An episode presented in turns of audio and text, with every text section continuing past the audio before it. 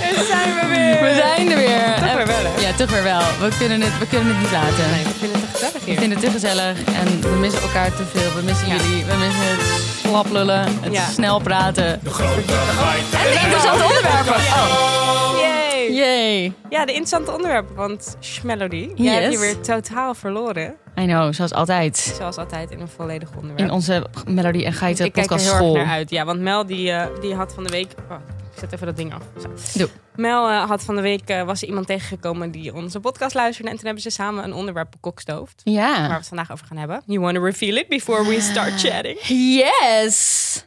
Wij gaan het vandaag hebben over de Nederlandse film. Yay!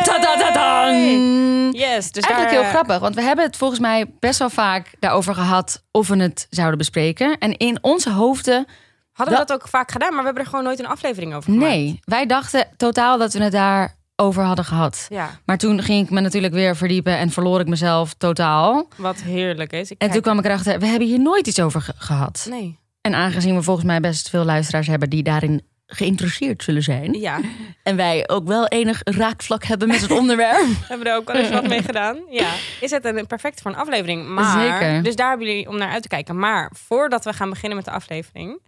Zullen we een, wil ik heel graag een soort van een soort i-pitch doen. Want we hebben een soort van mega bijzondere i-pitch vandaag. Oh ja. Je hebt een boek geschreven en je boek komt bijna uit. Ja, mijn boek komt bijna alles. uit. Oh my god, ik ben echt een beetje hyper. Ehm, ja, nou, ehm, mijn boek komt bijna uit. Daar heb ik. eh, Je hebt een boek geschreven. Ik heb een boek geschreven. Daar heb ik een flink aantal jaren over gedaan. Eigenlijk ben ik daarmee begonnen vlak na het afstuderen van de toneelacademie. Ja. Wat 35 jaar geleden is.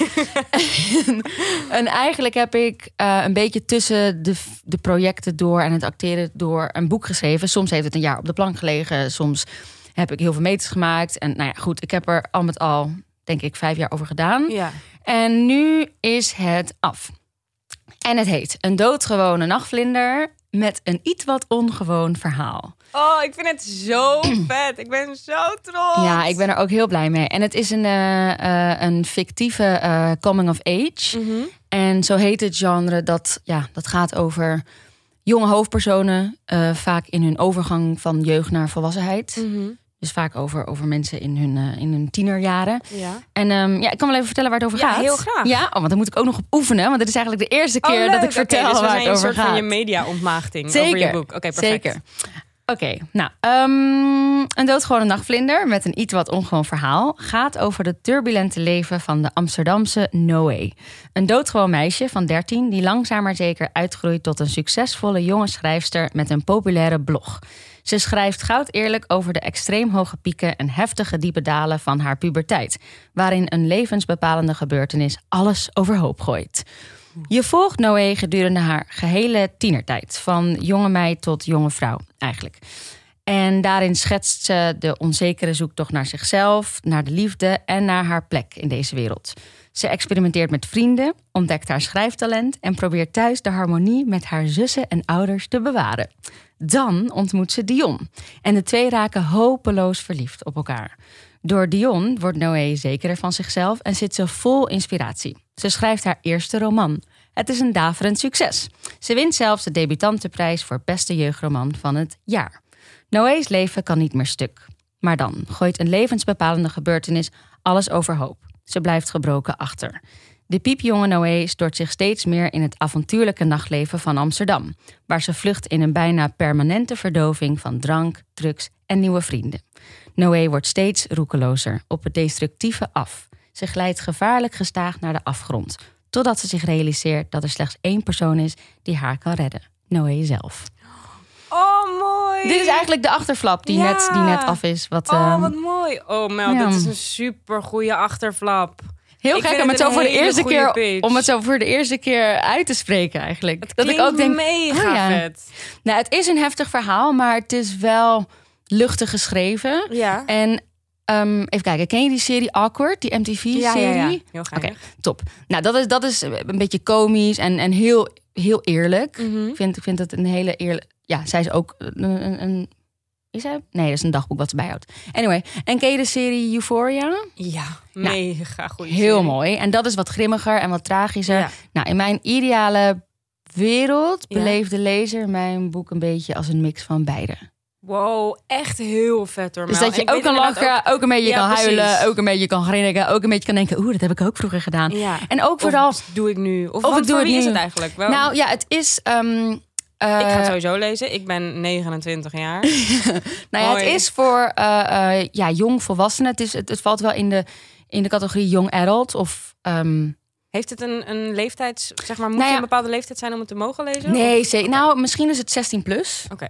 En dan hoop ik stiekem dat, dat, dat, dat, dat, Zeg maar, wij zullen je niet dat stoute kinderen van checken. 13 Ja. plus hem al zullen gaan eh, lezen. Want Noé is zelf ook 13 aan het begin Oh ja, van het boek. En ehm, Maar ja, en tot wanneer de leeftijd, dat, dat maakt natuurlijk ook niet, geen zak uit. Want je kan 80 zijn en het boek nog steeds Ja, oppakken. zeker, zeker. En, en wat ik denk ik, eh, wat, wat misschien leuk is, kijk, als jonge meiden het nu lezen, dan zullen ze zich erin herkennen, of, Ja. of niet. Of Ja. ze zullen gewoon zich laten meevoeren door het verhaal. Maar voor oudere lezers is het hopelijk ook leuk om, Om terug te blikken. om een beetje terug te Ja, blikken. Om een beetje die nostalgische herinnering weer naar boven te halen. En eh, tenminste, ik hou er als 30-jarige vrouw ook heel erg van om coming of ages te zien of te lezen. Dus ik heb Totaal. heel erg iets met het en je genre. zei jonge meiden. Is het alleen voor meiden? Nee, nee, het is, het is, het is voor eh, man en vrouw, jong en oud. En alles. Eh, en alles daartussenin. Ja. Nee, zeker. Zo leuk. Oké, Ja. en oké, ik wil het kopen. Wat moet ik doen?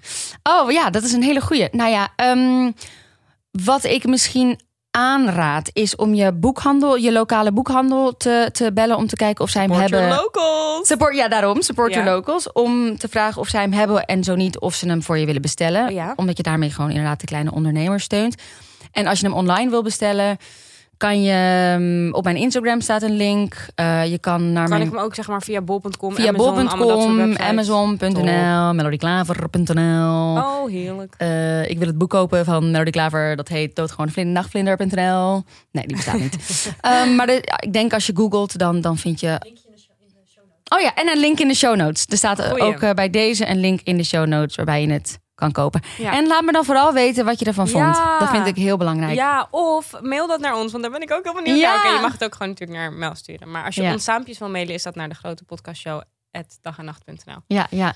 Uh, Oké, hoe, ging mijn, hoe ging mijn eerste ja, sales mega. pitch? Ik ben echt A, verkocht. Ik ben B, mega trots. Ik vind het echt niet normaal, want ik weet nog dat je na het afstuderen begon met schrijven. En dat je het elke keer in een Ja. soort tussenperiode heb je het weer omgedraaid en omgedraaid. En, en, dat er allemaal fases doorheen zijn gegaan van, Ja, van gevoelens Ja. over dit boek. En dat je nu gewoon dat het uitgegeven wordt door een uitgever, dat mensen er overheen zijn gegaan, dat mensen tegen jou echt het moeten zeggen van Mel, het is gewoon echt heel goed. Ja. We gaan het gewoon in, we gaan het de wereld ingooien. En dat jij een soort van geaccepteerd hebt van oké, ik heb geloof ik dan echt een boek geschreven. Ik vind het echt it dan maar. fantastisch. Ja, Ik heb er zoveel zin in. Super lief. En we ja. zijn een ik heb een beetje met je mogen meespieken voor ideeën van de cover. En het gaat er zo mooi uitzien. Het wordt echt. Ik ben echt ape trots. Thanks. Ik kan echt niet wachten. Het is echt heel gek. Ja, dat is dus ja, ja, ja. Je Ja, hebt gewoon een boek geschreven. ja gek hè? Ja. En kunnen we verwachten dat we jou een beetje beter kennen? Of heb je gewoon je, eh, als we dit gelezen hebben, of heb je je creatieve. Nou, kijk, ik presenteer het aangezet. absoluut als een fictief verhaal. Want het zou echt wat zijn als je denkt dat ik eh, de hoofdrolspeler van het, van het boek is. Dat zou het. Het heet, ze heet ook natuurlijk Noé. Niet Ze, he- Melody. ze heet Noé. Dat zou eh, mij geen goed recht doen, denk ik. en het, eh, en, en ook, ook ja, de originaliteit van het verhaal, denk ik ook niet. Maar Leuk. dat, ik, ik, ja, ik zeg altijd, Maar dat is, een is het een beetje zoals spelen dat je gewoon je haalt gewoon shit uit je eigen dat leven? denk ik wel. Sowieso. Als Ik- je iets creatief maakt, haal je het gewoon uit je Precies, gevoelens. exact. Ik denk dat elke schrijver of maker uit zijn eigen ervaringen put. Ja. Of uit die van anderen. Dus ik ook. Dus Ja. ik heb om me heen gekeken. Ik heb in mezelf gevroed. Ik heb gewoon dingen ronduit verzonnen. Ik heb gewoon een creatief proces doorgemaakt. Ja. Wat volgens mij iedereen doet. Ik, ik denk, uh, toen jij bent gaan dichten, heb je ook uit je eigen hart gedicht. Ja, En, en gewoon uit, uit Ja. gewoon andere harten. ja klopt. Uit verzonnen Nee, harten. klopt, ja. Nee, Toch? Ja. Nou, echt zo vet, Mel. Ik ben echt mega trots. Een doodgewone nachtvlinder met een iets wat ongewoon verhaal. Ja, Van Melody, Zoe, Klaver. Yay! Zo doodeng. vet, schat. Oké, ik ga nog wel even oefenen op me. Oké, Ik op vind dat je het heel goed hebt gedaan. Ik vind dat je geslaagd bent. top, thanks. Eh, en dan verder, wat we ook nog eventjes met jullie wilden bespreken, ehm, is dat we dus, wat wij zelf ook hebben gemerkt, is dat we dus deze podcast hebben, wat we heel leuk vinden, maar dat we dus niet super regelmatig zijn in het uitzenden van afleveringen. En dat heeft alles te maken met dat we dus boeken schrijven, eh, films maken, series opnemen. En ik was nu net even drie maanden weg om een serie op te nemen. Die gaat Leopard Skin heten. Ehm, en ik mag daar nu allemaal nog niet zoveel over vertellen. Maar dat komt hopelijk in een latere podcastaflevering wel weer. Wat ma- mag je daar echt helemaal niks over zeggen? Mag je ook niet zeggen waar je was, met Nee. wie je was? Nee? Ja, ik, ik kan zeggen dat het, eh, het heet Leopard Skin. Het is dezelfde makers als Jet. Met eh, dus dezelfde regisseur, Sebastian Gutierrez. En De serie die jij hiervoor voor hebt hiervoor gedaan. gedaan. Ja, voor Als de. Blonde Phoenix, ja. En eh, Carla Cugino speelt een hoofdrol. En het is echt een superleuke, superleuke cast. Maar ze willen nog niet echt... ehm, Oh ja, en ik mag nu ook wel zeggen dat we op de Dominicaanse Republiek hebben gefilmd. Dat Oh mocht ja, toen ja, niet, ja. maar dat was omdat ze bang waren dat er, ja, dat er mensen op af zouden komen. Ja, ja, dat er botenfans aan zouden. Aan zouden meren. Waar is die Gypsy Ehm. um, Johnson? Jive Gypsy. Gypsy Ooit Gypsy. werd ik een keertje opgehaald. Moest ik, moest ik in Belfast draaien. En toen stond er een taxichauffeur op me te wachten op het vliegveld. En die had een bordje met Jipe Gibson. in plaats van Gait Jansen. Nou ja, anyway. Dus zodoende dat we dus niet geheel geregel- regelmatig zijn. Dat we ook elke keer denken... ja, we nemen een seizoen op van zoveel afleveringen... en dan een nieuw seizoen. Maar puntje bij paaltje. We nemen gewoon op wanneer Ja. we er allebei zijn. En we vinden het te leuk om er echt een einddatum Ja. of een begindatum aan te stoppen. Dus we, we doen gewoon eh ons We doen het gewoon jullie- lekker onregelmatig, want Ja. het leven is onregelmatig. Zo mooi gezegd van jou, hoi. Ja, toch? Hey, maar wat heb je nog meer beginnen? uitgespookt? Ja, je vorige Oh ja, sorry. Ja, dan, dan wil ik toch nog even bijkletsen. Ja, is We hadden het vorige keer wel al een beetje gehad over jouw film. Over jouw eigen film, jouw korte film. Oh ja, dat is Dat ook kan een je wel vertellen. Dat kan ik. Ik heb ook een korte film gemaakt voor het eerst zelf. Eh, die heb ik geregisseerd en geschreven. Ik speel er niet zelf in, maar Frida Barnhart en Werner Kolf spelen erin. En ja, die, dat, dat kan ik wel vertellen, maar hij is nu nog niet te bekijken. Dus Oh. ook dat ga ik in een latere podcast. eh, Oké, eh, stay vertellen. tuned. Stay tuned.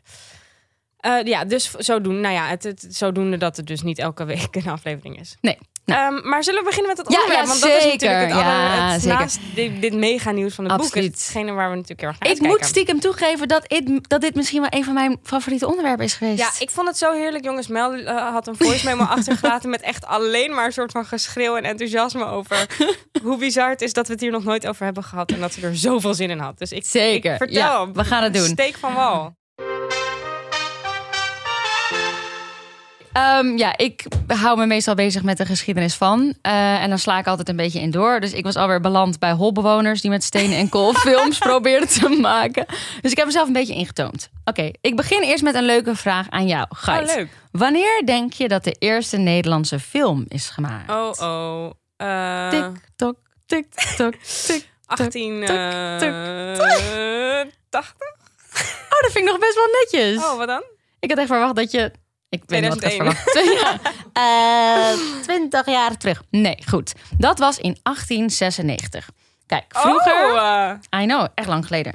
nou, ik was Vroeger- meer trots op mezelf Ja, dat ik er zo niet bij zat. Bizar, 1880. Oké, maar In mijn het hoofd dus is dat echt nog... 98. Nee, ik ga nu geen domme uitspraken doen. Vroeger, op het allerbegin, maakten we eerst alleen nog maar korte filmpjes. Het was allemaal nog een beetje wennen en een beetje klooien met het nieuwe Vroeger apparaat. op het allerbegin vind ik echt een top begin. Oké, ja. Vroeger, op, je weet wel, op het allerbegin toen.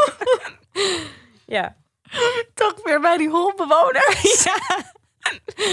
Oh, mijn verhaal gaat. Ik kom er helemaal niet aan toe. Oké, focus. Yes. Het was toch allemaal op het begin, het allerbegin, een beetje wennen en een beetje klooien met het nieuwe apparaat, oftewel de cinematograaf. Ehm, we weten bijna zeker dat de gestoorde hengelaar uit 1896, geregisseerd door M.H. Ladé, ja. de eerste Nederlandse film was. Al zijn er geen beelden meer van bewaard gebleven. Een film die nog wel goed bewaard is gebleven en dus onze oudste en eerste bewaarde Nederlandse film is, heet De Mesaventuur van een Frans heertje zonder pantalon aan het strand te Zandvoort. Oh, nice. Zo sprak ze dat uit vroeger. Gemaakt in 1905 door de broers Willy en Albert Mullens. En dan sla ik nu meteen even een kort zijpad in, want nou ja, dat doen wij. Om even kort wat te vertellen over deze pioniers van de Nederlandse cinema. Willy Mullens kunnen we bestempelen als onze eerste Nederlandse filmproducent en regisseur. Oh. En dit is heel leuk. Voordat hij films begon te maken, werkte Willy Mullens op de kermis in Den Haag als menselijke kanonskogel. Wat een topberoep. Maar hij werd Waarom nog topper ontslagen. Hij werd namelijk ontslagen in 1897 toen zijn act mislukte omdat een kangoeroe hem knock-out sloeg. Nee. Wauw, dat is een film op zich. Oké, zijn moeder nam hem toen om hem te troosten... samen met zijn broer Albert mee naar Parijs... waar ze de films van de gebroeders Lumière bezochten. Je weet wel, die Franse filmbroertjes, filmpioniers... die met een van hun eerste korte films over een naderende trein... Ja. naderende trein het publiek de zaal uitjoeg... omdat ze dachten dat er echt een trein op hem Zo af kan rijden. Dat verhaal ken je toch? Ja. Die broertjes Lumière waren tevens de uitvinders van die cinematograaf... die ik net al noemde, of kinematograaf, hoe je het noemen wil... Dat was een handmatig. I don't know. In, ik weet niet. Cinematograaf. Ja, we zullen hier vast kinematograaf Ja. zeggen en daar eh cinematograaf. Ehm, dat was een handmatig aangedreven camera en filmprojector in één. Het ding was in staat om filmbeelden op te nemen, deze ontwikkelen en vervolgens te tonen op een scherm voor het publiek. De cinematograaf had meer voordelen ten opzichte van de kinetoscoop. Ja, Vraag aan jou, Gait. Herinner je dat geval nog? een De, de, ki- kinetoscoop. de, de, de, de, de, kin, de kinetoscoop. Nee, maar natuurlijk niet, Job Jawel, uit onze aflevering over porno. Oh, ja. Nee, dat weet ik niet meer. Ik ga het je nu vertellen. ja, met heel veel paniek in je ogen. Zo goed dat hier geen camera op staat. Nee, de kinescoop was namelijk een individuele kijkmachine... waar je dan een muntje in gooide om bewegende beelden te Oh, zien. ja, ja, en vooral ja, ja. perverts zochten hun hel vaak bij het ding... voor bewegende vieze plaatjes. Ja. Nou goed, terug naar de cinematograaf... die lichter en draagbaarder was dan de kinetoscoop...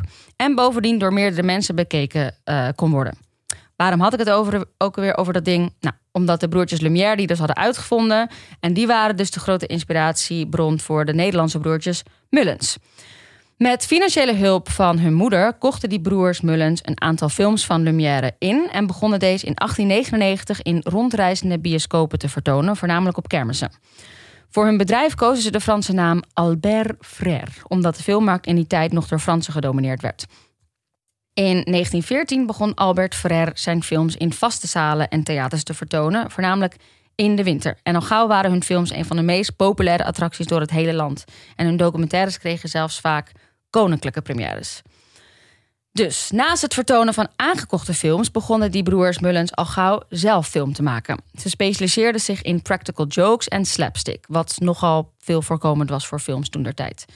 Ze trokken de aandacht van de pers en hun reputatie groeide lekker door. Hun meest succesvolle productie, en tevens een van de oudste Nederlandse films die ik zojuist noemde. Ik zal hem nog een keer doen, omdat Ja, het mooi, leuke ja. titel is. De meesavonturen van een Frans heertje zonder pantalon aan het strand te Zandvoort uit 1905. Uit 1905, punt.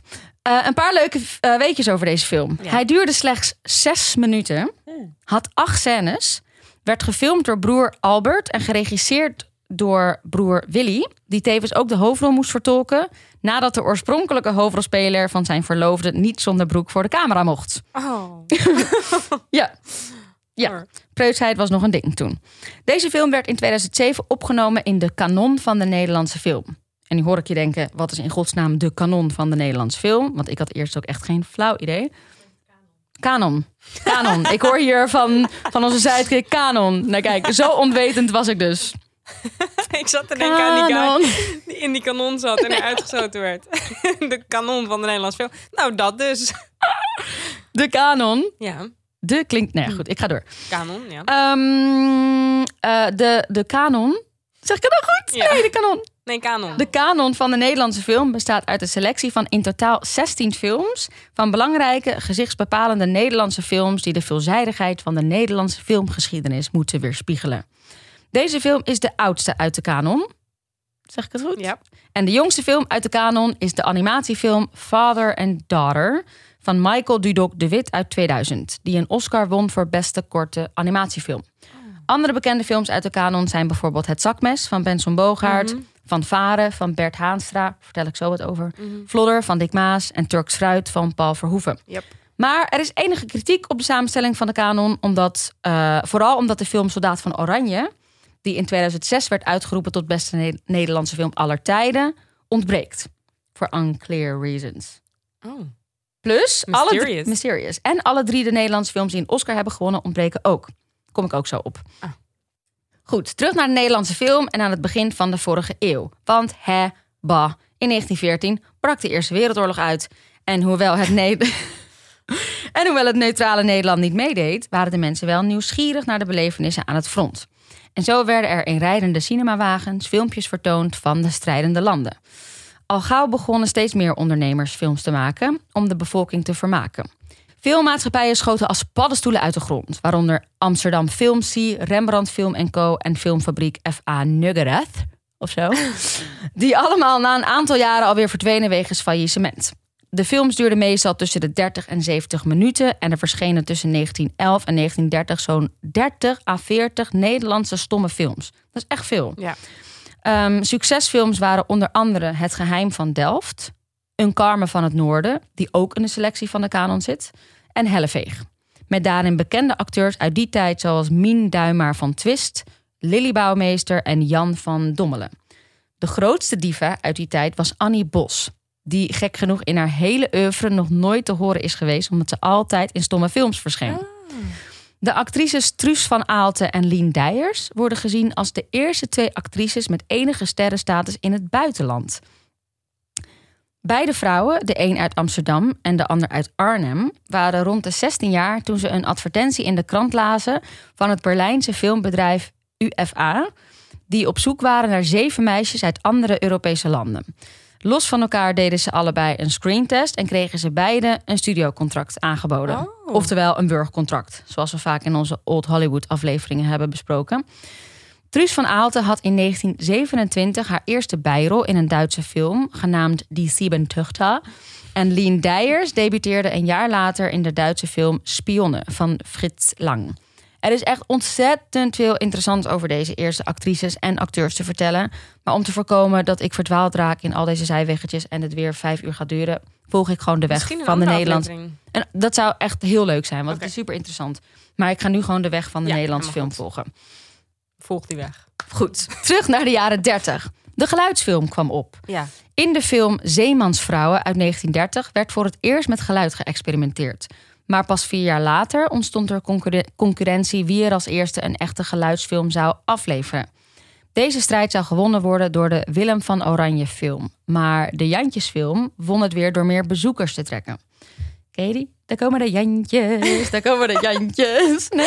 Nee. Oh, nou, ik ben ooit naar de musical geweest. Ehm, blijkbaar een heel bekend verhaal. Twee jaar later, in 1936, werd de eerste Nederlandse tekenfilm gemaakt. Dit 10 minuten durende zwart-wit filmpje met de naam De Moord van Raamsdonk was gebaseerd op het moordlied De Moord van Raamsdonk. En nu hoor ik je denken, wat is een moordlied? Nou, dat schijnen ze vroeger leuk gevonden te hebben om straatliedjes te zingen over brute en vrede moorden. Oh, En weet je welk moordlied jij vast ook nog kent? Welke? Die van Er is een vrouw vermoord met een gordijn. Kort, ik Ja. heb het zelf Ja. gezien. Dat is dus ook zo'n moordlied. Oh, dat deed je vroeger toch met handjes? Ja, wa- ze smaakte, ze nam er een likje Ja. van. Dat soort dingen. Ja, dat, ja, nou goed. Daar was dus op zo'n soort lied was de eerste tekenfilm op geïnspireerd. Toen de Tweede Wereldoorlog uitbrak, werden er uiteraard minder films gemaakt vanwege de bezetting. En de films die wel werden gemaakt, bleven veelal onvoltooid. De enige bekende film die is afgemaakt in Nazi-Nederland is Drie Weken Huisknecht. Een verhaal dat draait om een jonkheer die blut is en zijn butler, die samen een plan bedenken om het kasteel waarin ze wonen te kunnen houden. Het was een geheel natievrij verhaal, wat, wat zeldzaam was in die tijd. Want de, want de meeste Nederlandse bioscopen vertoonden tijdens de oorlog voornamelijk Duitse films. Met nazi-propaganda. We maken even een sprong. In 1956 werd het Productiefonds voor Nederlandse films opgericht. De voorloper van het Filmfonds zoals we dat nu kennen. Eh, twee jaar later kwam de film Van Varen van Bert Haanstra uit. Die ik net al noemde, die dus in dat kanon zit. Ja. De film deed het enorm goed bij het publiek. Van Varen is een comedy uit 58, zoals ik al zei, van 93 minuten. eh, die opgenomen werd in het nu alom bekende dorp Giethoorn. Met ruim 2,6 miljoen bioscoopbezoekers is de film op Turks fruit na de succesvolste Nederlandse film aller tijden. Ja. Het is een vrij muzikale film, omdat het dus over de fanfare gaat. Met muziek uitgevoerd door het Concertgebouw Orkest. De kosten van de film bedroegen 450.000 gulden. Maar de film bracht 1,2 miljoen gulden Wow, op. echt nog omgekeerde wereld. Ja, hou op. Verlies wel alleen Ja, het slaat ergens op. Ehm, goed, terug naar Giethoorn, terug naar de film van Varen... en terug naar de films in de jaren 50 en 60. Filmregisseur Fons Rademakers begon op te komen. En hij begon zich serieus en structureel met fictiefilms bezig te houden. Zijn eerste film, Dorp aan de Rivier uit 58, was een succes in binnen- en buitenland en werd als eerste Nederlandse film genomineerd voor een Gouden Beer op het Internationaal Filmfestival van Berlijn en genomineerd voor een Oscar voor beste buitenlandse film. Fons Rademaker startte eigenlijk het begin van een wat meer serieuze filmindustrie in Nederland. Bijna 30 jaar later won hij in 1987 wel een Oscar voor de aanslag en werd daarmee de eerste Oscar-winnaar van de in totaal drie van Nederland. In 1958 verscheen de eerste film in kleur, genaamd Jenny. Al zou het tot begin 58. 58. Dat is echt niet zo heel lang geleden als je erover nadenkt. Nee. Maar het zou pas tot de begin jaren 70 duren voordat de meeste films in kleur werden opgenomen, omdat het budget het meestal niet toeliet. Het was gewoon nog te duur. Andere succesvolle films uit de jaren 60 waren Als twee druppels water, ook geregisseerd door Fons Rademakers en grotendeels gesponsord door biermagnaat Freddy Heineken. En Het gangstermeisje uit 1966 van Frans Wijs. Leuke fun fact over regisseur Frans Wijs. Zijn zoon, Geza Wijs, is net als zijn vader ook de filmwereld ingegaan en is acteur geworden. Een kleine sprong. Begin je... fun fact. Leuke fun fact. Ik neem even een slok tussendoor. Hoi Geza, shout-out naar jou. Ik hoop dat je luistert. Begin jaren 70 kende de Nederlandse film een opleving. De films werden volop in kleur uitgebracht en vooral de erotische getinte verhaallijnen trok het publiek naar de bioscoop. Films als Blue Movie en Turks Fruit werden een groot succes. Vooral regisseur Paul Verhoeven plukte hier de vruchten van. Met films als Keetje Tippel en Turks Fruit. Beide zeer heftige en expliciete films. Met een groot budget maakte Paul Verhoeven vervolgens Soldaat van Oranje. Eveneens met Rutger Hauer. Waarmee zij beide hun springplank kregen naar Hollywood. Hollywood. Hollywood. In de jaren 80 voegden regisseurs als Ate de Jong, Alex van Warmerdam en Dick Maas zich bij de bestaande garde met succesvolle films. Vlodder, Spetters, De Lift, Siske de Rat, Abel en met het Oscar bekroonde De Aanslag, van Fons Rademakers dus, zijn slechts een greep uit Nederlandse films waar het Nederlandse publiek voor warm liep. Spoorloos van George Sluizer. Oh my god, die heeft zo'n indruk op mij gemaakt. Met Ja. Johanna Terstegen. Ja. Ho, ik ga, holy moly. Ik ga niet vertellen waarom, want dan verklap ik de hele film. Maar zien dus. Zien dus. En de vierde man van Paul Verhoeven schopten het zelfs tot internationale cultfilm. Goed, weer een kleine sprong. De jaren 90. Wat gebeurt er? Helaas, de Nederlandse film raakt in het slop. Top. Dat Top. voelt goed. Slop, want flop na flop maakt duidelijk dat Ja. Maakt het duidelijk dat de liefde tussen de Nederlandse filmmakers en het publiek was bekoeld. Ja, wat is dat jongens? Ja, maar we komen er nog uit. Daarna gaan we weer de volle bak in. Ja, maar ja. we komen er nog eventjes even uit. Het dieptepunt werd bereikt in 1994, toen het Nederlandse aandeel van het totaalomzet van de bioscopen slechts 1% bedroeg. Hoi. En de succesvolste Nederlandse film slechts 30.000 bezoekers terug trok. Wat volgens mij tegenwoordig best goed is. Ik weet het even niet. Ja, dat is zo erg, hè? Oh my god. Een nieuwe generatie filmmakers begon op te staan. Aangevoerd door Robert-Jan Westdijk, Eddie Terstal, Martin Koolhoven en Lodewijk Krijns. Yes. Er werden frisse nieuwe films als Zusje, Hufters en Hofdames en Suzy Q gemaakt. Die nog niet allemaal het grote publiek wisten te bereiken, maar wel de lof kregen van de critici in binnen- en buitenland. Erg veel vrouwelijke namen hoor je er tot nu toe nog niet tussen zitten, helaas. Maar dat veranderde op magische manier toen regisseuse Marleen Gorris internationaal succes verwierf voor haar film Antonia en daar in 1996 een Oscar voor beste buitenlandse film mee won. Yes. De film kan best als feministisch worden aangemerkt, trouwens. En gaat heel kort door de bocht over het leven van vier generaties vrouwen in een dorp in Nederland. Het was de tweede Oscar voor ons filmlandje. Sorry, volgens mij heb ik nu. Ah, nee! It's Leuke. totally fine. Is oké. Ik heb volgens mij een klein feitje van Gaites verhaal voor Maar straks dat is helemaal oké. Ik Dat, we, we gaan gewoon een aantal dingen overlappen, maar dat is alleen maar goed. Is alleen maar goed. elkaar aan. De derde en tevens laatste Oscar tot nu toe werd twee jaar later in 1998 gewonnen door Mike van Diem met de film Karakter.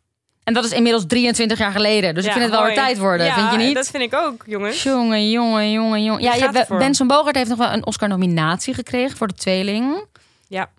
In tweede, eh, dat durf ik niet te zeggen. Anyhow, door deze enorme successen keerde eind jaren 90 het publiek weer terug naar de bioscoop. Ook vanwege de nieuwe trend. Succesvolle kinderboeken werden verfilmd, zoals Abeltje en Kruimeltje, wat een nieuwe traditie startte. Ook kwam in 1999 de telefilm tot stand. En dat is een bijzonder format, waarbij er elk jaar zes televisiefilms, oftewel speelfilms gemaakt voor televisie, worden gefinancierd door het Kobo-fonds en televisieomroepen. Uh, de telefilms worden veelal geprezen omdat ze vaak origineler en gewaagder en unieker zijn dan bioscoopfilms, omdat ze geen rekening hoeven te houden met bioscoopvoorwaarden en, en commerciedingen. Uh, hoewel soms ook telefilms in de bioscoop kunnen belanden. Bekende telefilms zijn onder andere Het Paradijs van Martin Koolhoven, TBS van Pieter Kuipers en Cloaca van de alom geprezen wijle regisseur Willem van der Sande Bakhuizen. Mooie fun fact over regisseur Willem van der Sande Bakhuizen. Zijn zoon, Matthijs van der Sande Bakhuizen, is ook de filmwereld ingegaan en acteur geworden. Goed, de enige dompert aan dit hele telefilmverhaal is dat de telefilm er na 22 jaar mee stopt. Ja, dit jaar. Zo jammer, jongens. We zitten in het laatste jaar. Dit jaar. Er is vanuit de fondsen besloten oh. het succesvolle format stop te zetten. Om zo op zoek te gaan naar een nieuw, verfrissend en hopelijk eveneens succesvol format. En dat hoop ik echt. Dat hoop ik ook. Want, het, is zo belangrijk om nieuwe jonge makers een kans te geven om daadwerkelijk dingen te maken zonder dat je je aan allemaal regels absoluut, hoeft te houden. Meteen. Absoluut. Absoluut, want het was echt een onmisbare springplank voor nieuwe filmmakers en originele scripts. En um, ja, wat ik al zei, dit jaar wordt de laatste reeks telefilms gemaakt met als thema misdaad. En toevallig ben ik net klaar met de opnames van één daarvan. Om er nog even wat tussen te gooien. Kleine side note. Kijk volgend jaar allemaal naar Herman. nee, vertel. Vertel eventjes. Dat is nee, ja, dat, een leuke side note. Nee, dat. Uh, de, de film heet Herman, seriemoordenaar door Wil en Dank. Ja. Nee, dat zeg ik verkeerd. Wat is het dan? Seriemoordenaar tegen Wil en Dank tegen is Wil en Dank. Oké, dus Herman, seriemoordenaar tegen, tegen Wil en Dank. En, volgen, en, en, die wordt heel gaaf. Die wordt, het wordt echt een, een toffe film. En jij speelt daar dus ook een grote rol Ja, ik had gisteren de laatste draaidag. Oh, en leuk. het is... Uh, ja, en maar ook wel gek, omdat het echt de laatste reeks is. En jij hebt ook uh, echt een paar mooie telefilms nog ja, kunnen doen. Wel echt, Zoals ja. Groenland. Toch? Uh, ja, dat was een telefilm. Ik zat even te denken, was dat een telefilm? Ja, een van mijn eerste films uh, was een telefilm. Welke? Coach. Oh ja, Coach. Coach was ook een telefilm. Ja, ja, ja. Oh, nou, je kan die trouwens allemaal nog terugzien, volgens ja, mij. Alle NPO telefilms Start ever. Plus. NPO Start Plus. Ja, op. We willen weer uh, sponsor, geld. Geef ons geld. Iemand, geef ons gewoon geld. nee, dat kan je allemaal nog terugzien. Um, ook andere succesvolle formats gesteund door het Filmfonds of andere fondsen zijn de straatfilms. Ja. Voormalig heten die de One Night Stand films. Ook laatste jaar. Ja, echt? Jesus. Mm -hmm. Jesus. Mm -hmm. oh, ik ben er even stil van. ja. Uh, dat zijn 45 minuten durende films die ook op tv worden uitgezonden. Ook zo'n zes per jaar. Ja. En uh, daarnaast heb je nog de NTR Kortjes. En dat zijn 10 minuten durende films. Ook voor op tv. En al deze films beleven trouwens ook hun première op het Nederlands Filmfestival in Utrecht elke oktober. Dus daar kan je gewoon als publiek een kaartje voor kopen. En dat raad ik je ook echt ontzettend aan, want het zijn mega toffe films vaak. Ja, zeker. Dat is echt wel leuk om te zien. En er komt vast iets heel moois voor in de plaats. Laten Hopelijk. Het Laten we het echt Laten hopen. Goed, via de telefilms gaan we weer terug naar de Nederlandse films in de jaren na 2000. In het nieuwe millennium blijft men de nieuwe ingeslagen weg volgen van het maken van kinderfilms. Minoes, Pluk van de Zo'n Pettenflat. leuke film, Minoes. I know. Oh, love Minoes. Lang leven de koningin. Wat dacht je Zo daarvan? leuk. Wij hebben echt zulke goede kinderfilms. Jeugdfilms, ja. hoe noem je dat? Ja, ja wij, zijn daar echt, wij zijn echt opgegroeid met echt, echt heel goed in. Geweldige films. Ik wou zeggen knettergoede films. Knetter, ook Knetter. een goede film. Abeltje. Abeltje, topfilm. Oh, love it. Ja. Pas met Costa wordt Ja. in 2001... Zo'n topfilm ook. is echt een topfilm. Costa. Is gewoon een hele goede Ja. film. Daarmee wordt bewezen dat er ook met andere filmgenres dan kinderfilms in Nederland succes behaald kan worden. Er volgen een aantal vergelijkbare films, zoals Volle Maan, Liever Verliefd en Snow Fever, die net als Costa drijven op het gebruik van sterren die bekend zijn uit soaps, de zogenaamde soapies. Maar als Snow Fever flopt, blijkt ook deze formule weer uitgewerkt. De volgende trend is de multiculti-comedy, zoals Shoef Shoef Habibi, Het De Niet op Paradijs. Multiculti comedy. Ik heb het niet verzonnen. Oh mijn god. Ik heb het niet verzonnen. Het is een naam. Het is een. eh, Don't shoot the messenger. don't shoot the, the messenger. Oké. En een beetje verliefd, die het goed doen bij een breed publiek. Mhm. Ook blijven boekverfilmingen populair bij Nederlandse makers. Voorbeelden hiervan zijn De Passievrucht, Ik omhels je met duizend armen en Verborgen gebreken van regisseuse Renate Torrestein. Ja. Ik noem alleen haar omdat ze een vrouw is. Maar het aantal bezoekers van de Nederlandse films binnen het totale bioscoopbezoek steeg wel in deze periode. Namelijk tussen 1994 en 2005 van 1% naar 13,6 procent. Dus. En nu ik er even als een speer doorheen. Ja. Want in 2006, ja, filmlegende Paul Verhoeven komt weer terug. Met Ja. zijn eerste Nederlandse film in ruim 20 jaar. Zwartboek werd een doorslaand succes. De film ging in première en in competitie van het filmfestival Venetië... en werd positief ontvangen door het merendeel van de buitenlandse pers en het publiek. Zwartboek is de eerste Nederlandse film in jaren die een miljoen bezoekers trekt. En we gaan door op het succes, want Alles is Liefde van Joram Leursen is de succesfilm van 2007 met meer dan 1,3 miljoen bezoekers, waarmee het een diamantenfilm verdient. In 2008 is, ik heb het niet verzonnen, Oorlogswinter van Martin Koolhoven een tweede. nou, je bent nu wel echt al mijn footage aan het wegharken. Echt? Nee, maar, dan moet ik misschien stoppen met Nee, nee, nee, praten ga door, nu. ga door, ga door. Wel? Ja. Oké, nou, Oorlogswinter van Martin Koolhoven, ook een groot succes met 800.000 bezoekers. De film wordt platina. En in 2019 komt een, komt een vrouw bij de dokter. Komt er een vrouw bij de dokter? Komt er een vrouw bij de dokter in de bioscoop. Van Reinhard Oerlemans, ook een mega succes met 1 miljoen bezoekers. En daarmee de best bezochte Nederlandse film van dat jaar. Ook de historische film De Storm van Benson Boogaard trekt in 2009 meer dan 500.000 bezoekers. Andere hits die elkaar volgen zijn De Gelukkige Huisvrouw, Dick Tron, New Kids Turbo, Nova Zembla. Is dus wel een succes geweest. Wist ik niet. New Kids Nitro volgen elkaar allemaal op. De succesreeks wordt onderbroken door een eerste flop. Jackie. Dit zijn allemaal Oh. hits trouwens, geproduceerd of geregisseerd door... dat het zo benoemd, zo Ja. Jackie. Ja, ja, I'm sorry. Ja. Ik, heb, ik heb het ook niet bedacht. De grootste en tevens vond laatste... trouwens wel een hele mooie film. Ik heb hem niet gezien. Jackie is met Carice van Houten en Jacco van Houten. Ja, en Holly Hunter. En Holly Hunter. En ik vond Ja. het een hele mooie film. Nou, allemaal Maar- kijken dus. Ik weet niet waarom het, ik weet niet waarom het geflopt is. Sup- support de flop. Ja, support your local, support the flops. Support de flop. Ehm, de grootste en tevens laatste hit van dit decennium is tot nu toe echter Gooise Vrouwen 2 uit 2014. Oh ja. Een vervolg op Gooise Vrouwen 1. Samen trokken deze films hoeveel bezoekers denk je? Ja, miljoenen. Dit is echt goed gegaan, hè? Maar, Ja. maar Echt extreem goed. oh, oké, 12 miljoen? Mm, Nee, niet zo goed. 3 miljoen? Vier. 1? Samen 4 miljoen. Hold your horses. Nee. Alright. Goed, we hadden ook artistiek succes Ja. in 2013. Borgman, Alex Ja. van Warmerdam. Ja, ja, ja, ja, ja. De eerste Nederlandse film die in bijna 40 jaar werd als eerste... Oh, kut, ga je... Ik, maar dan moet ik ophouden met Zoveel praten. meisje heb je. Je hebt een enorm Ja, maar je weet, als ik ga, dan ga ik. Ik Ja, sla dat door. is waar. Ik moet, is waar, ik moet toch bij die holbewoners lijstjes. blijven. Nou ja, Borgman dus. eh, Ja. die werd geselecteerd als eerste film in 40 jaar voor het filmfestival van Cannes. En in 2016 was er succes voor Brimstone van Martin Koolhoven. De eerste Nederland film in 10 jaar. Die werd geselecteerd voor de competitie in het filmfestival van Venetië. Vanaf 2016 liep het bioscoopbezoek aan Nederlandse films terug. Met als dieptepunt de film... Ik kijk jou aan. Een dieptepunt. Redbad Oh, redpad. in 2018.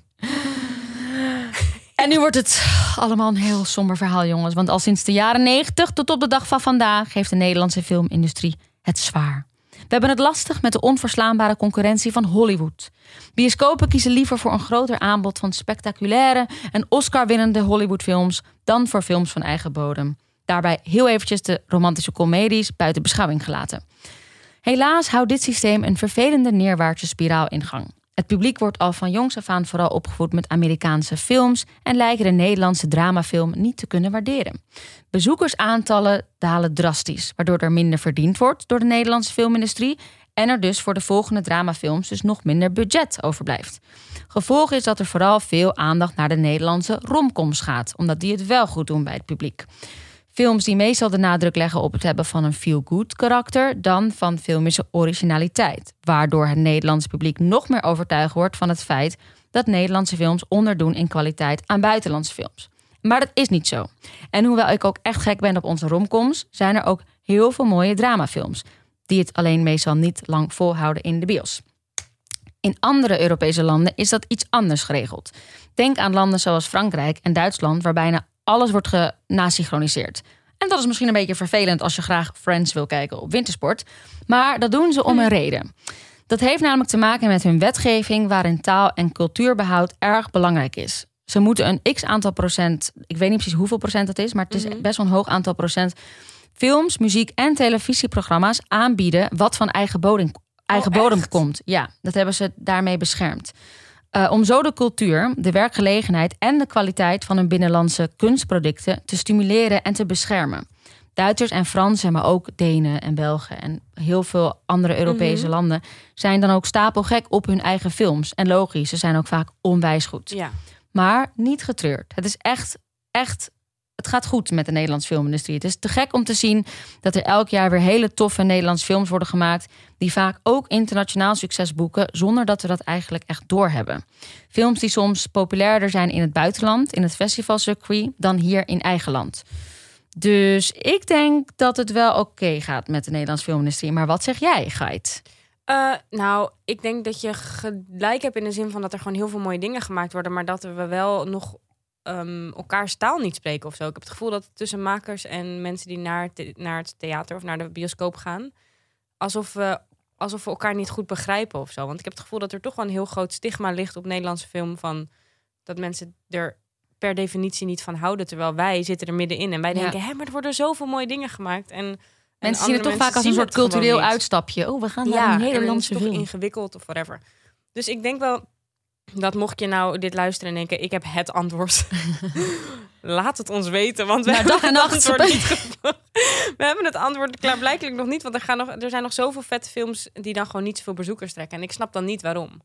Die gewoon Nee. echt wel hard zijn. En die vervolgens Maar- bijvoorbeeld op Netflix of Videoland wel weer goed gaan. Ja, precies. Ehm, maar om, dus ah, stel je voor, je bent nu een luisteraar en je denkt: oké, maar ik, ha- ik weet niet, ik weet het niet met de Nederlandse film, of ik weet gewoon niet zo goed waar ik moet beginnen. Ja. Dan heb ik een, hier een lijstje voor je gemaakt Yes. met wat misschien leuk films We zijn om te all beginnen. love lijstjes. We all love lijstjes. We do. We do. Ehm, en een paar heb je al We are een lijstjes people. Ja, een paar heb je al een beetje in, Verklapt. in melder. Nou ja, nee, niet verklapt, maar langs horen komen. En ik begin een beetje bij eh, wat langer geleden en dan ga ik naar boven. Ehm, om te beginnen, zeg maar gewoon films waarvan ik denk, die zijn gewoon vet. Die moet je gewoon Ja. gezien hebben en dat is, dat is vet. Bijvoorbeeld de succesvolste film aller tijden, waar Mel het al even over had. Turks Fruit, een film uit 1973 van Paul Verhoeven. Met in de hoofdrollen Monique van der Ven en Rutger Hauer. Is een boekverfilming van Turks Fruit, van Jan Wolkers. En in deze film volgen we het onstuimige liefdesleven van Erik en Olga. Nou, waarom moet je deze film gezien hebben? Om alle redenen die Mel net al noemde. Omdat het een echte Nederlandse filmklassieker is. De film kreeg een Oscar-nominatie voor beste niet-Engelstalige Oh, productie. ze kregen een nominatie ook. Ja, en won een speciaal gouden kalf voor beste Nederlandse film, beste Nederlandse film van de 20e eeuw. Wow. Ja, en het beeld van Erik en Olga, dat die pas getrouwd zijn en op de fiets door Amsterdam eh, fietsen, dat behoort tot een van de bekendste filmbeelden uit de Nederlandse geschiedenis. Oh. En de film werd geregisseerd dus door Paul Verhoeven, wat een van Nederlands bekendste regisseurs is, die dus onder andere Soldaat van Oranje maakte en Spetters en Zwartboek en L. Ehm, echt prachtig film. En jij hebt ook met hem gewerkt? ik heb ook met hem gewerkt met de Entertainment Experience. Ehm, kleine disclaimer als je deze film gaat kijken. Het is dus een film uit 1973. Dus over het feministische gehalte valt te twisten. Eh, en het is niet voor alle leeftijden vanwege de blootscènes. Het is Nee. daar wel lekker ruim aan. Maar goed, een prachtig niet goed, voor goed alle idee om opvattingen, daar, ja. En niet voor alle opvattingen. Maar het is wel, een, wel, wil je even zo in de klassiekers duiken van een Nederlands film, is dat wel een hele mooie. Ik sla de aanslag even over, omdat Mel het daar net ook al even over had. En skip naar Antonia, eh, 1995, waar Mel het ook even over had. Maar wat wel heel leuk is, is dit is een film van Marleen Gorris. eh, met Willeke van Amro in de hoofdrol. Om even de, het- andere kant van het muntje, van het feministische muntje te, te draaien. Versus Paul Verhoeven films. Eh, eh, worden deze hoofdrollen worden gespeeld door Willeke van Almeroy, Els Dottermans, Dora van der Groen. En in deze film volg je de eigenzinnige weduwe Antonia... die vlak voor haar dood terugblikt op de tijd. En dan ontstaat er een soort lichtvoetige familiekroniek... waarin je de belevenissen van Antonia volgt... en haar excentrieke vrouwelijke nazaten. En deze film moet je gezien hebben... want die kreeg naast een Gouden Kalf voor beste regie en beste actrice... ook een Oscar voor beste niet-Engelstalige film. En een fun fact in deze film is dat een vriendinnetje van ons, Caroline Spoor, Nederlandse Oh, actrice, ook in deze film speelt, waar ze nog een heel lief, klein, snoepig, zevenjarig klein meisje is. In de rol van. Therese, wat echt heel schattig is. Ze is inmiddels een vrouw van onze leeftijd en met twee kindjes. En nou, ja, wie kent er niet? Caroline Spoor. Oh, Dus dat is wel heel leuk. heel cute. Dan een hele leuke film eh, uit 1997, Karakter. Oh, Een film van Mike van Diem. Met in de hoofdrollen Vetja van Uwet en Jan de Cler en Betty Schuurman. Eh, dat scenario van de film is gebaseerd op het gelijknamige roman van Brodewijk, F. Brodewijk. Over de gevreesde deurwaarder Dreverhaven, die zijn carrière van zijn ambitieuze bastaardzoon probeert te dwarsbomen. Oh. En deze film won ook een Oscar in 1998 voor, niet, voor beste niet-Engelstalig film. En een Gouden Kalf voor beste lange speelfilm. Lekker. Lekker. Dus ik dacht, ik gooi die drie Oscar-klassiekers er heel Sowieso. even in. Ja, en dan kan de aanslag kan daar echt Al- absoluut Strooien bij. met prijzen is altijd een goed idee. Toch? En dan skippen we even in de tijd. Dan gaan Ja. we even naar 2004. En dan nu, nu worden het wat meer random films die ik gewoon zelf super mooi vind. Ja. Waarvan ik denk, deze moet je gewoon gezien hebben omdat ze prachtig zijn. En dat is uit 2004 Simon. Een film van Oh, Eddie. Prachtige film. Hier volg je de Amsterdamse hashdealer Simon. Een prachtige hoofdrol voor Kees Geel. En zijn goede vriend Camille, gespeeld door Marcel Hensema. Ook briljant. Wiens vriendschap tijdens een vakantie in Thailand ernstig op de proef gesteld wordt. Waardoor ze elkaar uit het oog verliezen. En dan 14 jaar later komen de twee elkaar weer tegen. En dan blijkt Simon ongeneeslijk ziek te zijn. En het is een prachtige vertelling over vriendschap, liefde, leven, dood. Nou, echt een aanrader. Deze film won vier gouden kalveren. Waaronder beste lange speelfilm en beste regie. En Kees Geel won voor beste acteur. Nou, je hebt hem wel, je hebt hem gezien, denk ik toch? Ja. Zo mooi. ja. Dan 2006, jij noemde hem net al eventjes. Ik omhels je met duizend armen. Een bewerking van het gelijknamige boek van Ronald Giphart. Het is de laatste film onder regie van Willem van der Sander Bakhuizen voordat hij overleed. Waar Mel het net ook even over had. Willem van der Sander Bakhuizen maakte sowieso prachtige films. ja man, familie ook. Ja, zoals Familie, Leef, Lepel, Cloaca. Echt allemaal de moeite oh ja, waard. Lepel, kinderfilm ook. Ja, en zo Jezus. goed allemaal. Ehm, in Ik omhels je met duizend armen volg je de complexe relatie tussen Gip, gespeeld door Tijn Dokter, en Samarinde, gespeeld door Carice van Houten. En hun relatie komt onder druk te staan als Gips moeder Lottie, gespeeld door Catharine ten Bruggekaten, aan MS leidt. En terwijl Samarinde in Japan is en totaal niet op de hoogte is van de plotselinge achteruitgang in de toestand van Lottie, kiest Lottie ervoor om euthanasie te plegen. En de eerstvolgende keer dat Gip zijn vriendin aan de telefoon heeft, is Lottie overleden. Hierdoor komt de situatie tussen de twee geliefden onder druk te staan en de situatie explodeert tijdens een vakantie met vrienden in La Palma. En deze won eh, beste vrouwelijke bijrol Gouden Kalf voor Catharine ten Bruggekaten en beste sounddesign. Ook echt een hele mooie film. Ja. Ook- En weer met, met, met, met Chris van Houten. Die heeft echt eh, Ja, joh. flink wat klassiekers op de naam staan. Abso, abso. Jongen, Ja, zeker weten. De vrouw doet en doet maar. Die vrouw doet en doet maar. En die doet het ook allemaal zo goed. Ja. Dan hebben we in 2007. Jij noemde hem net ook al even, maar is een must. Alles is liefde. Alles is liefde. Een film van Joram Luurse, waar, ehm, nou ja, we allebei mee gewerkt hebben. Waar, De- eh, wat noemde je nou, de telefilm? Coach. Coach mee Ja. van is? Ehm, de best gelukte Nederlandse romantische comedy, als je het mij vraagt. Ja, hou op. Het is zo'n goede Zo film. grappig. Dit is nou echt, als je deze nog niet gezien hebt for some reason. Weer met Carice. for a treat. Ja. Holy Een moly. hilarisch script geschreven door Kim van Koten met hoofdrollen voor inderdaad onder andere Carice, ehm, Anneke Blok, Thomas Acta, Michiel Romein, Wendy van Dijk, Jeroen Spitsenbergen, Lies Visserdijk, Paul de Leeuw. Nou, vele anderen. Zo, Echt jij een- strooit even met shout-outs. ja joh, een, sterke, een sterrenkaast. Een sterrenkaast. Ehm, en in deze film volg je verschillende mensen rondom Sinterklaastijd. Je kan het een beetje zien als de Nederlandse Love Actually. Ja, hij is echt leuk. En trouwens, ik vond Alles is Familie ook leuk. Ik ook. Dat is een soort van... Soort van dus, het- nou, niet echt. Het Oh nee, het zijn dezelfde, makers, maar eh zelfde scriptschrijver, Kim van Koten en zelfde regisseur. Ja. Eh, en Carice zit daar ook in. Ja, ja. maar wel andere, eh, speelt ander karakter. Eh, Alles is Liefde won Gouden Kalf, beste lange speelfilm en beste regie. Echt waar? Ja. Alles is Familie won echt beste film. Nee, Alles is Liefde. Alles is Liefde. Oh, oké. Nice. Leuk. Ehm, dan, omdat je net even zei, het ontbreekt ons aan vrouwelijke regisseurs. Dat is gelukkig niet helemaal waar. Want we hebben natuurlijk de briljante Maaike de Jong. Die Ja. zoveel mooie films heeft gemaakt. Joy. Waaronder, waaronder Joy. Maar waaronder waar ik het nu over ga hebben, Tussenstand in 2007. Oh, ja. Dat is jouw jij lievelingsfilm. Nou, nou, het is. Nou, die hij behoort zeker wel in de top. Want ik vind gewoon, zeker als je, voor de mensen die naar ons luisteren en ook spelen leuk vinden, dit is echt een acteursfilm. Het is zo'n vet film. Met in de hoofdrol Elsie de Brouw en Marcel Musters. En je volgt de relatie tussen nou, de Roos, dus Elsie, en Martin, dus Marcel. Die op een einde loopt, maar ze hebben een 17-jarige zoon. Dus ze proberen het onderling beschaafd te houden. Maar het is echt, dit is echt gewoon, je, dit is acteurs op hun top. Het is Ja. zo vet om hun te zien spelen. Dus dat vind ik heel... Zij werkt graag met, met, met hun, denk Ja, ik. Want ze heeft ook Ja, voor, eh, twee jaar geleden God. Only Knows gemaakt. Met Elsie de Brouw en Marcel Musters. Waar Marcel Musters een gouden kalver heeft gewonnen voor beste acteur. En Elsie Ja. de Brouw was genomineerd. En Elsie de Brouw won hem dan weer voor tussenstand. Ah.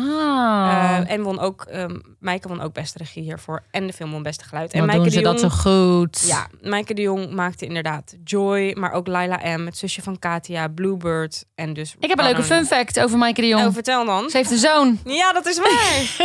Ze hebben zo'n... Ze heeft een zoon, David Eilander. Ja. En die is ook de filmwereld ingegaan. Ja. En die is geen acteur, maar die is regisseur Ja, geworden. klopt. En Jan Eilanden, de man, die is die Schrijver. schrijft. Ja. En, Jan, en eh, David Eilander heeft laatst een hele mooie... Dus zo'n straatfilm, wat ik, wat ik laat vertelde. Ja. En die heet... Kut, die moet ik presteren. Hoe heet die nou? Hoe heet die nou? Smartlab. Smartlab, yes. Hihi. Smartlab. Ja, Echt de moeite waard Echt om te zien. Staat dus gewoon allemaal op NPO. ja, kan je gewoon kijken. Zullen we ook de, de luisteraars een lijstje in de show notes beloven met alle films die we nu noemen? Ja, dat is goed. Gaan we doen. Oké. Je hebt ons even lekker aan het werk gezet, maar we- we're on it. Kom goed. Ehm, dan nog heel even wat Mel net ook noemde in 2008. Oorlogswinter van Martin Koolhover. Die ook Suzy Q en Brimstone maakte. Die je allebei ook gezien moet hebben. Naar het gelijknamige boek van Jan Terlouw. Daarin volg je in de winter van 44-45 de jonge Michiel. Gespeeld door Martijn Lakenmeijer. Die ook een gouden kalf won hiervoor. Toen hij echt nog een piepklein broekie was. En Een toen hij de jongste pup. winnaar ever was. Ehm, die ziet een, een, een Engels vliegtuig neerstorten en hij ontdekt waar een piloot zich verborgen houdt en besluit hem te helpen. En terwijl hij dan tot dan toe weinig last had van de oorlog vanwege zijn bevoorrechte positie als burgemeesterzoon, zal hij nu moeilijke keuzes moeten maken. Deze won dus beste acteur, Martijn Lakenmeijer, beste mannelijke bijrol, beste production design, beste scenario. En een fun fact, deze film bevat ons eigen Melodie Klaver. Eh, ja, die Mel zit er ook in. En het is gewoon echt een hele mooie film. Als je deze nog niet gezien hebt, is echt zo mooi. Ja, Mel kan hier natuurlijk niet al te veel over zeggen, want je eigen smoel zit er de hele tijd in te paraderen. dit, dit, dit is al één schaamteloze PR-aflevering. dus Oké, nou, geen probleem. Dan gaan we gewoon rustig even door naar 2012. De Marathon. Oh ja! Ja, zo'n mooie film. onder regie van mooi. Diederik Kopo. In de Marathon volg je Rotterdamse ja. vrienden. Eh, echt zo vet. Gerard, Leo, Kees en Nico, die samen in de garage van Gerard werken. Maar de zaken lopen niet al te best. En het viertal komt om het idee om zich te laten sponsoren... om mee te doen aan de Marathon van Rotterdam. En op die manier de garage van zijn ondergang te redden. Maar dan staat er ineens veel meer op het spel dan alleen de garage. Echt een prachtig Zeker. film. Ik vond het echt een geslaagde- Steven van der Wallen, Martin van Waardenberg, Marcel Hensma. Echt Frank Lammers. Echt een hele mooie film. Een geslaagde tragicomedy, Ja. wou ik zeggen. Echt heel mooi. Die is ook gewoon absoluut aan te raden. Abso, abso. Dan eh, ook deze nog heel eventjes benoemen. En dan zal ik gewoon er wat sneller doorheen gaan. Maar nog Nee, even... joh, neem je tijd. Ik geniet. eh, oh, ik- ik heerlijk. geniet oh, je bent aan het genieten. Oké, prima. Ja, joh. Dan hebben we in 2013... Tripping down memory lane. Ja, Trippy Down Memory Lane hebben we wat je ook al even noemde. Borgman. Film Oh van ja, Alex van ja. Warmerdam. Eh, deze film gaat over Borgman, gespeeld door Jan Bijvoet... die op een dag aanbelt bij een welgesteld gezin... en dan op absurde wijze hun levens binnendringt. Deze film is de eerste film, wat Mel net al noemde... in 38 jaar die op het Cannes Filmfestival meedong voor een Gouden Palm. Lekker, Ehm, Alex. Lekker Alex. En de film won een Gouden Kalf voor beste film. En Hadewig Minus, die de andere hoofdrol speelt... won beste eh, vrouwelijke hoofdrol. Oh, kijk dat even. Ik heb nu dus Borgman op dit lijstje gezet, maar ik had elke andere film van Alex van Ja, joh. op mijn lijstje kunnen zetten, want hij is Ober. bijvoorbeeld gewoon niet titels gaan noemen. boos hij is, Ja. Hij is zo'n unieke filmmaker en hij heeft zo erg zijn eigen stijl. Als je nog niet bekend bent met zijn werk, De laatste dagen van Emma Blank. duik erin. Want Ons lijstje wordt zo lang. Mel titels noemt, zoals Ober en de laatste dagen van Emma Blank, is er ook nog De Noorderlingen. Oh, zo'n goede film. Die staat in het kanon. Oh. De, de kanon. De- het, ik het ben kanon. zo in de war van dit woord. De kanon. prachtige film. Echt prachtig. Eh, Abel, Grim. ehm, nou ja, die andere die Mel eh, ook al noemde. En er komt binnenkort een nieuwe film van hem uit... waar ik ook heel benieuwd naar ben. Oh ja. Eh, waar ik erg naar uitkijk.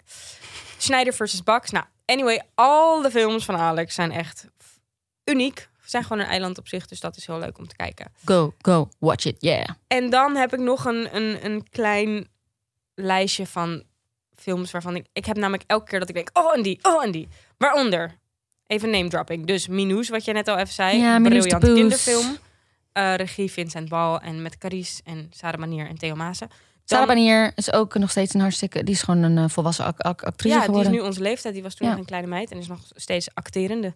Dan vind ik Langer Licht van David Lammers. Met onder andere onze Melody Klaver. En Diep van Simone van Düsseldorf. Met ja, een maar stop it nou. Nee, maar dat vind ik echt. Die twee horen er gewoon tussen. Dat vind ik echt. Dat is niet alleen maar ben omdat gewoon je hier aan het wegzweven op Ja. een roze wolk. Nou, ik zal, ik zal een beetje bij je vandaan gaan. Maar echt, als jullie die twee films nog niet gezien hebben, duik erin. Dan vind ik Tiramisu prachtig. Van Paula van der Oest. Met in de hoofdrollen Anneke Blok en Jacob Derwig. Alle, de, er zijn films van Ben van Boogaard. Zoals De Tweeling, Het Zakmes, Rafael, sorry. Ik ga straks ook gewoon even heel veel films van jou Eh, noemen. dan films van bijvoorbeeld Jan van der Velde, zoals De Kleine Bonne Dood. Maar ook Frans Wijs, Gangstermeisje, Leedvermaak, Kivive Happy. En dat zijn allemaal wat meer weer de klassiekers. De, de makers die al wat langer meegaan. Dan The Paradise Suite van Joost van Ginkel. Ja, Prachtige film. Die won eh, beste ehm, film voor Gouden Kalf. En Een zusje van Robert-Jan Westdijk. En Boulado won op het laatste NFF een Gouden Kalf voor beste Nederlands film. Dus Zeker. dat is natuurlijk ook echt een aanrader. Eh, en ik vind ook wel de film van Jim Tehutu Wolf. En ik ben ook wel heel Ja? benieuwd naar de Oost. Dat zijn ook wel echt hele goeie. Wat, Nou wat vind je zijn- dezelfde? Wat vind je jouw, jouw be- beste film? Welke zou je uit jouw oeuvre willen vertellen? Willen... Vind ik lastig. Die zijn zo... Ik heb nu net het laatste wat ik gedaan heb... is eh, ehm, eh, weer gewerkt met Joost van Ginkel. We hebben een nieuwe film gemaakt, Bo. Die komt uit op een gegeven moment. Want we hebben hem in de zomer gedraaid. Ik weet niet precies wanneer die uitkomt. En met, Bo, eh, met Joost heb ik tien jaar geleden 170 hertz gemaakt. Ja, die echt prachtig is. En dat, dat is dat ik heb die toen weer opnieuw gekeken omdat we nu Bo gingen doen. Toen dacht ik, oh, dat is eigenlijk wel een hele mooie film. Ja. Dus die zou ik dan nu vandaag zeggen. Ook ter zelfpromotie omdat Bo eraan komt. Ehm, oh ja, wat ik dan nog dacht, wat heel leuk is om te doen. Mocht je er nou helemaal in zitten en denken, ja, Jezus, ik weet het even niet meer. Het AI Filmmuseum in Amsterdam. ja, is die, die ha- hartstikke dicht is. Die hartstikke dicht is. Die hebben een, maar die hebben ook een website. En die hebben dus een iFilmplayer. Nee. Ja, waar je dus wat meer de klassiekers kan kijken. En Oh, maar bijvoorbeeld dat is echt staat er ook op. De Noorderlingen staat erop. Dus dat is echt wel heel leuk om... Dit is echt een fucking goede tip. Omdat Ja. ik zelf heel vaak niet weet waar ik oude films... Precies, en vooral ook oude Nederlandse Ja. films. Want dat heb ik met heel veel dingen dat ik ook denk... Ja, Toch maar dat waar- mensen vragen, oh, waar kan ik die film van ja, je zien? Dat je denkt, Geen geen, idee. Pirate Bay. nee, maar voordat je dat gaat doen... En dan vind je die Nederlandse Nee, film niet. Dus check even de ondertitels. iFilmplayer of, eh, of, ja, of gewoon... Dat kan je vinden door de Oh, website dat is van het iFilm. top. Oh, dan ga ik Lang Leven de Koningin weer Ja, leuk. bestellen. Doe En dat heel veel dan? zie je dus ook op NPO. Ja, stimmt.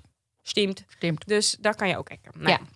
Dus genoeg, eh, genoeg films om te bekijken. Zo, we hebben volgens mij wel even in één uur tijd 135 filmtitels op jullie gegooid. Ja, we zullen ze op een rijtje zetten. En Gaan we echt doen. Ja. Vind ik echt leuk. Ik heb ze zelf ook allemaal niet meer op een rijtje. Dus ik wil Nee, ze ook wel weer even op een Ik rijtje. had ook heel veel zin om sommige weer opnieuw te kijken. Ja, Zoals Ik om Helsing met duizend armen. Ik heb echt zin Ja. om die opnieuw te gaan zien. snap ik. Snap ik. Ja, heel leuk.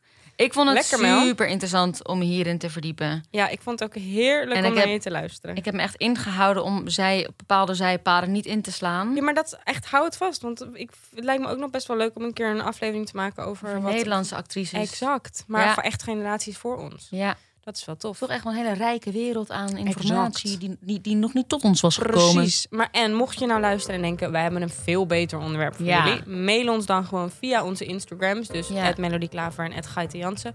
Of je kan ons gezamenlijk mailen naar de grote podcastshow dagenacht.nl. Eh, dat is ons gezamenlijk e-mailadres, dus die krijgen we allebei. En we lezen het allemaal. En we geven je ook een shout-out als je... Niet dat dat dan je beloning is, maar meer van... Ja, nee, sowieso. meer van we, we, we lezen je het en we, we benoemen wat we hebben gelezen... en wat we met je, je je dingetje gaan gaan doen. doen. Met je gaan doen. Oké, ik voel het einde van een aflevering ik aankomen. ook. We worden melig en ik kan niet meer praten. Oké, tot de volgende keer dan Tot de volgende keer. Ik hoop dat jullie het leuk vonden. Ik ook. Wij vonden het weer veel te leuk. Ja. Alrighty, joei!